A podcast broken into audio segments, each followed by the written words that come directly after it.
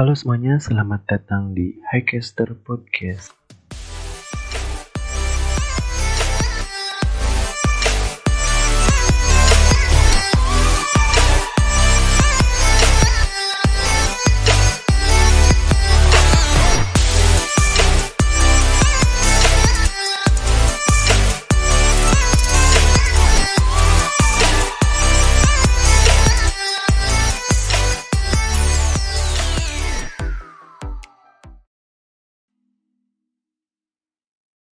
Ya, kembali lagi bersama gue Fikri Haikal, 8 Mei 2020. Jadi untuk episode kali ini, gue akan sedikit cerita tentang apa yang sudah gue pelajari ke belakang ini. Uh, sebenarnya ini sebuah review dari salah satu channel YouTube seorang motivator yaitu Gary V dan memang menurut gue ini channel YouTube yang bagus banget buat disaksikan dan ya pokoknya rekomend banget untuk siapa pun di luar sana yang memang sedang membutuhkan tips perihal menjalankan kehidupan atau mungkin sedang ingin memotivasi diri. Nah oleh karena itu gue episode kali ini akan sedikit menyampaikan tentang 7 nasihat dari Gary V untuk para anak muda zaman sekarang nih khususnya dan gue pribadi juga. So, selamat mendengarkan.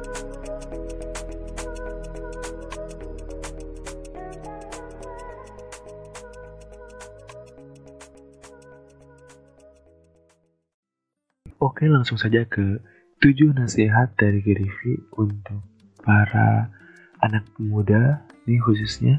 Jadi memang 7 nasihat dari V ini akan apa ya? Akan mendorong kita untuk menjadi versi kita yang sesungguhnya, versi terbaik dari diri kita. Langsung saja ke poin yang pertama atau nasihat yang pertama yaitu self awareness dan know yourself atau mengenal diri sendiri jadi kalau kita ingin bahagia, sebenarnya kita harus mengenal diri sendiri terlebih dahulu. Jadi kita tahu apa yang kita mau, apa yang kita inginkan, apa yang ingin kita lakukan dan sebagainya. Dan sebenarnya hal tersebut itu hal yang paling mendasar dalam hidup ya, ya terhadap diri sendiri. Memang harus selalu tertanam pada diri kita masing-masing sebagai manusia. Mungkin sebenarnya kita tahu apa yang kita ingin mau, apa yang kita inginkan. Di dalam hati kita kita tahu gitu apa yang kita mau, apa sih yang gue pengen gitu. Akan tetapi memang beberapa orang tidak berani untuk selalu menanyakan hal tersebut kepada diri sendiri. Oh, contohnya misal gue dalam sebuah pilihan misal gue lebih suka jadi seorang pilot daripada jadi seorang polisi.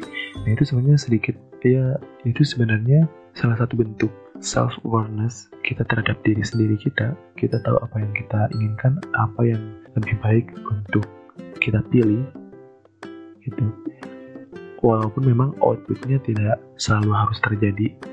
Outputnya harus tidak selalu harus sesuai dengan apa yang kita harapkan.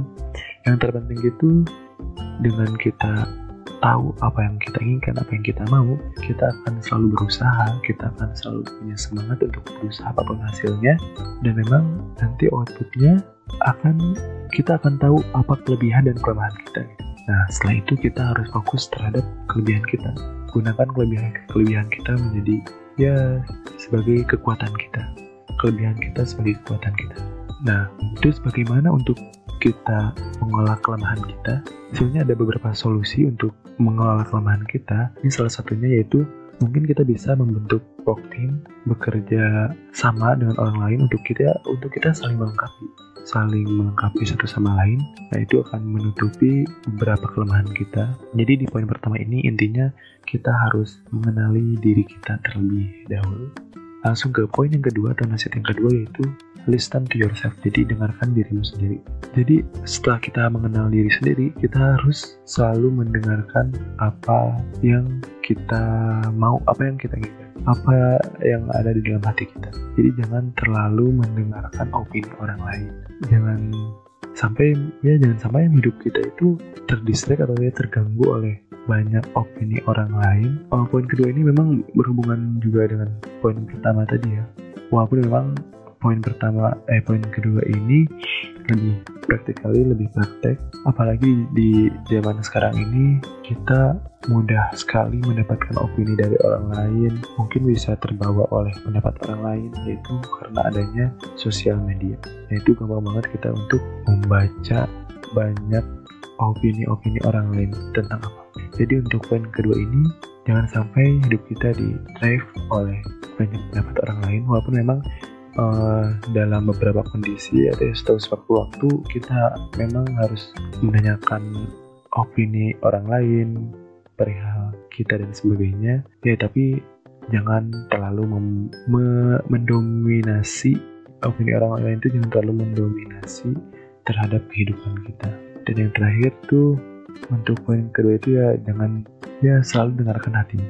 Selalu dengarkan hatimu dan jangan sampai kehidupan kita di drive opini orang lain dan langsung saja langsung saja ke poin yang ketiga dan sebenarnya poin yang ketiga ini sering sekali di apa ya diceritakan oleh Gary V disampaikan oleh Gary V di beberapa episode di channel YouTube-nya yaitu Gary V menceritakan tentang kita sekarang hidup di era tanpa batas. Iya benar sekali.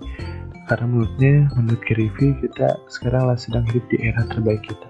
Era terbaik dalam hidup ini. Karena memang apa pun bisa diakses. Dan ditambah ada smartphone sebagai terobosan revolusioner. Namun memang sayangnya pada zaman sekarang ini smartphone itu ya oleh beberapa orang tuh ya jarang sekali dimanfaatkan. Padahal smartphone ini sebuah perangkat yang sangat hebat. Bahkan bisa membuat mimpi kita jadi kenyataan. Dengan bermodalkan internet dan sosial media kita bisa membangun bisnis membentuk personal branding dan sebagainya. Dan pokoknya di poin yang ketiga ini di era tanpa batas ini kita harus banyak memanfaatkan internet dan sosial media. Itu untuk poin yang ketiga untuk poin yang keempat ini uh, masih berhubungan juga dengan poin yang ketiga yaitu berusaha untuk menjadi orang yang bermanfaat. Nah, di tujuh nasihat ini, Gary Vee itu mencontohkannya dengan dengan membangun sebuah konten. Jadi mulailah membangun apa pun yang bernilai untuk pribadi dan untuk orang lain. Walaupun memang tidak mudah untuk mendapatkan attention, mendapatkan perhatian dari orang lain. Nah, makanya kita harus membangun konten terlebih dahulu untuk mendapatkan orang mm, perhatian dari orang lain. Ya, konten-konten yang bermanfaat, yang ber, yang berdampak positif bagi orang lain. Dan memang uh, gue pribadi juga ingin banget punya konten yang bermanfaat ya pengenlah punya warisan yang apa pun yang gue pikirkan nih itu bisa jadi bermanfaat buat orang lain gitu. Mungkin contohnya uh, gue sekarang lagi merintis podcast dan sebagainya. Ya karena emang gue cita-cita gue ingin semua yang ada di pikiran gue itu bermanfaat buat orang lain gitu. Ya pokoknya di poin yang keempat ini kita harus menjadi orang yang bermanfaat dengan membuat konten. Karena hidup itu harus mendengarkan hal yang bermanfaat. Dan Poin yang kelima, ini menyangkut perhatian dari orang lain, attention dari orang lain terhadap kita. Jadi apa ya, jurus bukan jurus, ya jurus lah. Bisa dibilang jurus untuk mendapatkan perhatian dari orang lain di sosial media. Contohnya yaitu kita harus terapkan give first, take later. Jadi apa pun apabila kita ingin mendapatkan sesuatu dari orang lain, kita harus memberi dulu manfaat buat orang lain, memberi dulu value buat orang lain. Memang memang ini ya contohnya strategi di sosial media. Apabila kita memposting hal yang bermanfaat pasti kita mendapatkan like atau mungkin di share oleh orang yang disu menyukai postingan kita di share ulang ke yang lain dan sebagainya. Nah dengan kita memberi memberi kita otomatis akan mendapatkan hasil yang hasil dari apa yang kita beri. Sedangkan kalau kita meminta tanpa memberi kita tidak pasti bahkan tidak mungkin mendapatkannya. Jadi untuk poin yang kelima ini, give first, take later. Jadi bermanfaat terlebih dahulu lah. Berilah orang lain manfaat terlebih dahulu untuk mendapatkan perhatian dari orang lain.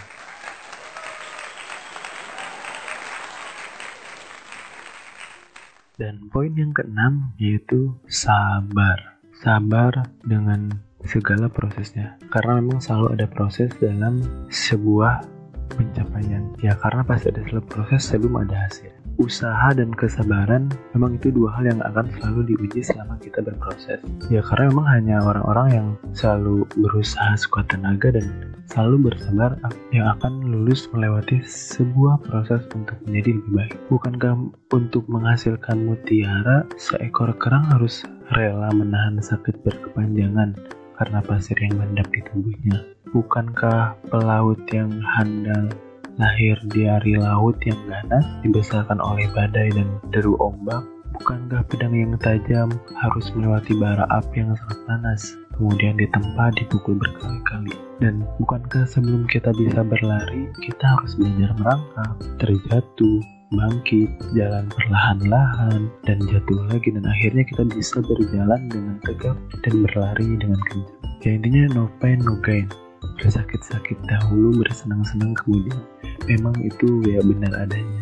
Jadi selamat berproses tetap semangat yakin aja setiap usaha kerja keras dan kesabaran akan selalu berbuah manis dan jangan lupa melibatkan Tuhan melibatkan Allah Subhanahu wa taala dalam dalam setiap prosesnya.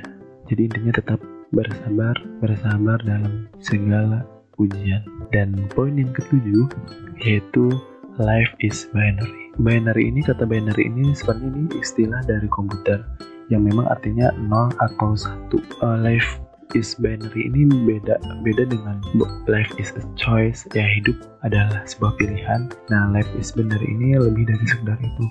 Karena memang dari artinya pun dari istilah komputer 0 atau 1 0 itu tidak bernilai.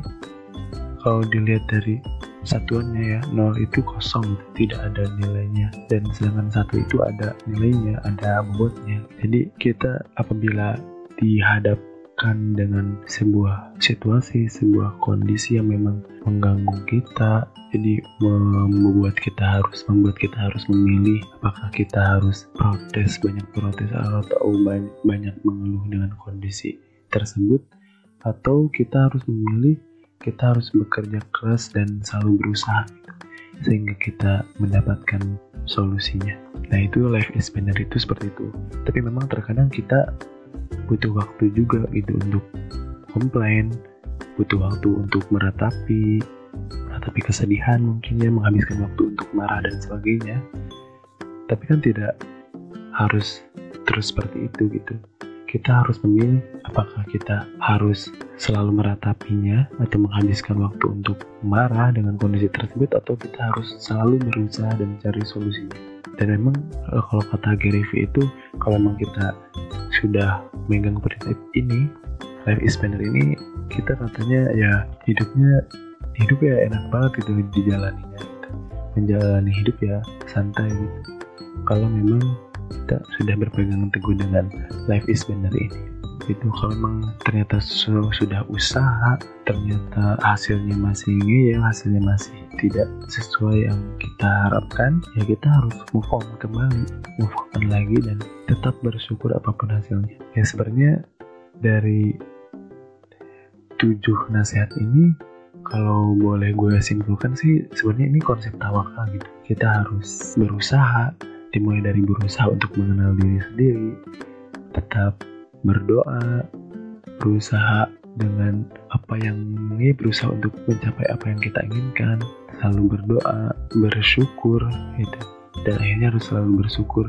Ya kan ini ya ini prinsip eh seperti prinsip tawakal gitu. Bisa dibilang ini prinsip tawakal gitu gitu. Jadi itu tujuh nasihat dari Gary V untuk teman-teman semua dan pribadi gue juga.